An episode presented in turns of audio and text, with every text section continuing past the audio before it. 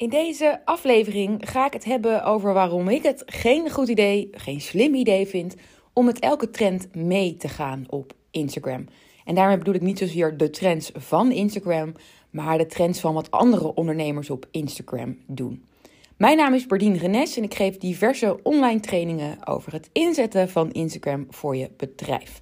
We gaan gelijk beginnen. Ik zie de laatste tijd, en zo gaat het eigenlijk altijd, heel veel berichten van ondernemers over eenzelfde onderwerp.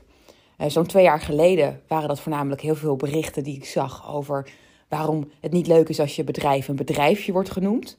Dat is het ook echt niet. Daar krijg je mij ook van op de kast. Uh, en momenteel worden er heel veel berichten geplaatst op Instagram door ondernemers waarin ze schrijven: Jongens, laten we nou eens eerlijk zijn op Instagram. Deel niet alleen maar je hoogtepunten.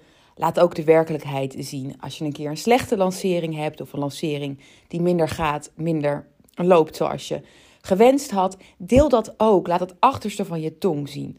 Hele mooie berichten vind ik. En uh, ik denk dat eerlijkheid alleen maar goed is en ook heel erg slim is. Want eerlijkheid maakt je niet perfect. Hè? Dus als je ook de dingen deelt die je niet perfect maken, dat spreekt alleen maar mensen aan. Want ik ken geen perfecte mensen. Dus als je je op Instagram perfect neerzet, wie spreek je dan aan? Waarschijnlijk niemand. Dus met die berichten is helemaal niks mis. Daar kom ik ook helemaal niet aan. Of althans, ik zie ze nu constant voorbij komen. Elke dag zie ik meerdere berichten die over dit stukje onderwerp gaan.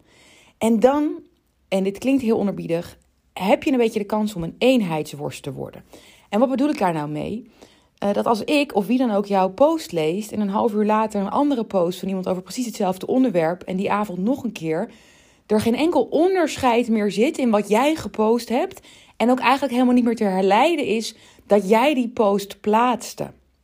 En het is helemaal niet gek dat er op Instagram uh, berichten worden geplaatst over dezelfde onderwerpen.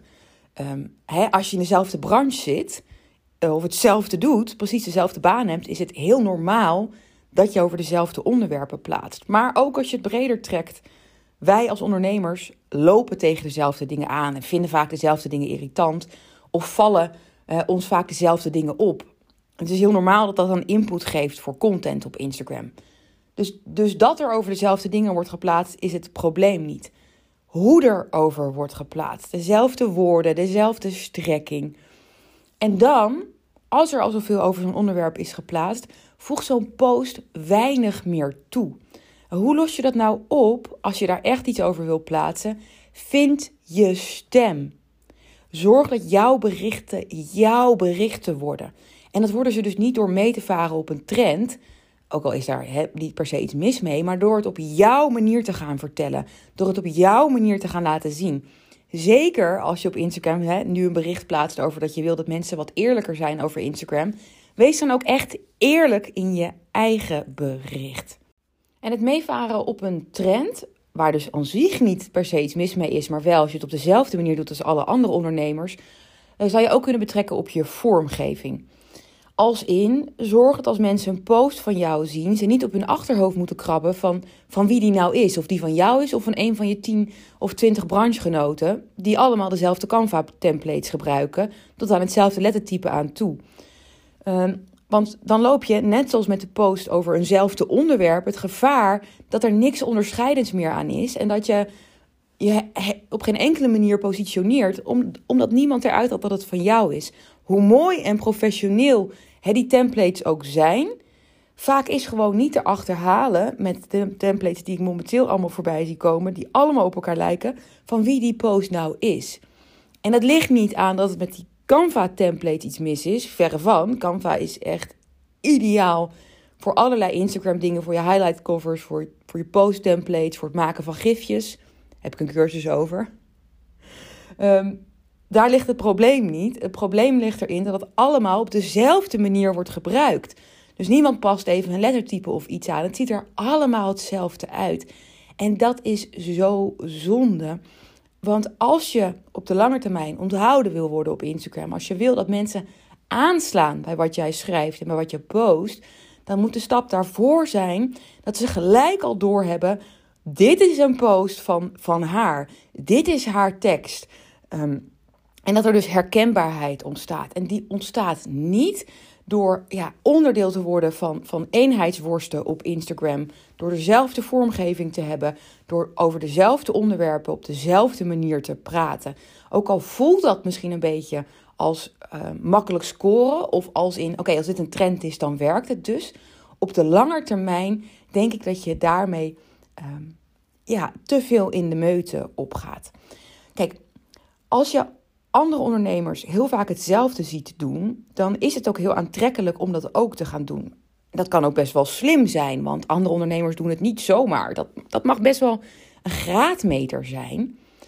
Maar wat ik ook al zei over hoe je dan post schrijft, ga dan echt nadenken: hoe vind ik hier in mijn stem? Hoe kan ik dit op mijn manier gaan doen? Dus het kan ook betekenen dat jij over een onderwerp geen post maakt, maar dat je er een video over maakt. Of dat je er een gedicht over maakt. Of dat je er een tekening van maakt. Om maar even iets te noemen waar ik heel succesvol in ben. Nee, ik, ik ben zelfs vroeger. In de derde moesten we, weet je, moest je dan profielvakken gaan kiezen. En toen is me zelfs ontraden om tekenen op te nemen in mijn profielkeuze. En geheel terecht. Dat, dat, ik, ik denk dat alleen maar een hele goede keuze is geweest van de lerares. Maar alleen maar dus om aan te geven hoe ga jij je onderscheiden. Want ook in trends kan je je onderscheiden. En probeer je dan ook echt te onderscheiden op Instagram op een manier die jij kan volhouden. En dat werkt het beste als je dat doet vanuit jou. Dus vanuit, vanuit letterlijk jouw stem. Uh, die je doorvoert in hoe je schrijft, in hoe je video's zijn en hoe je vormgeving is. En dat hoeft dan dus misschien net niet perfect, maar wel heel erg mooi. Eh, waardoor het mensen aanspreekt, waardoor het nog een stukje menselijk is. En, zoals ik zei, zodat het ook echt vol te houden is, omdat het is wie jij of je bedrijf is. Zodat je het overal in kan doorvoeren.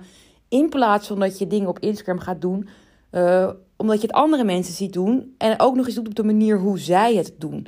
Dat is uiteindelijk los van dat je daarmee de eenheidsworst wordt. Ook helemaal niet langdurig houdbaar. Omdat je dan een soort van rol aan het spelen bent op Instagram. En dat is heel erg zonde. Dat is ook helemaal niet wat de kracht van Instagram echt is. Goed, dat was deze aflevering. Dankjewel voor het luisteren. En je weet waar ik op Instagram ben. bybeurt.nl Bye!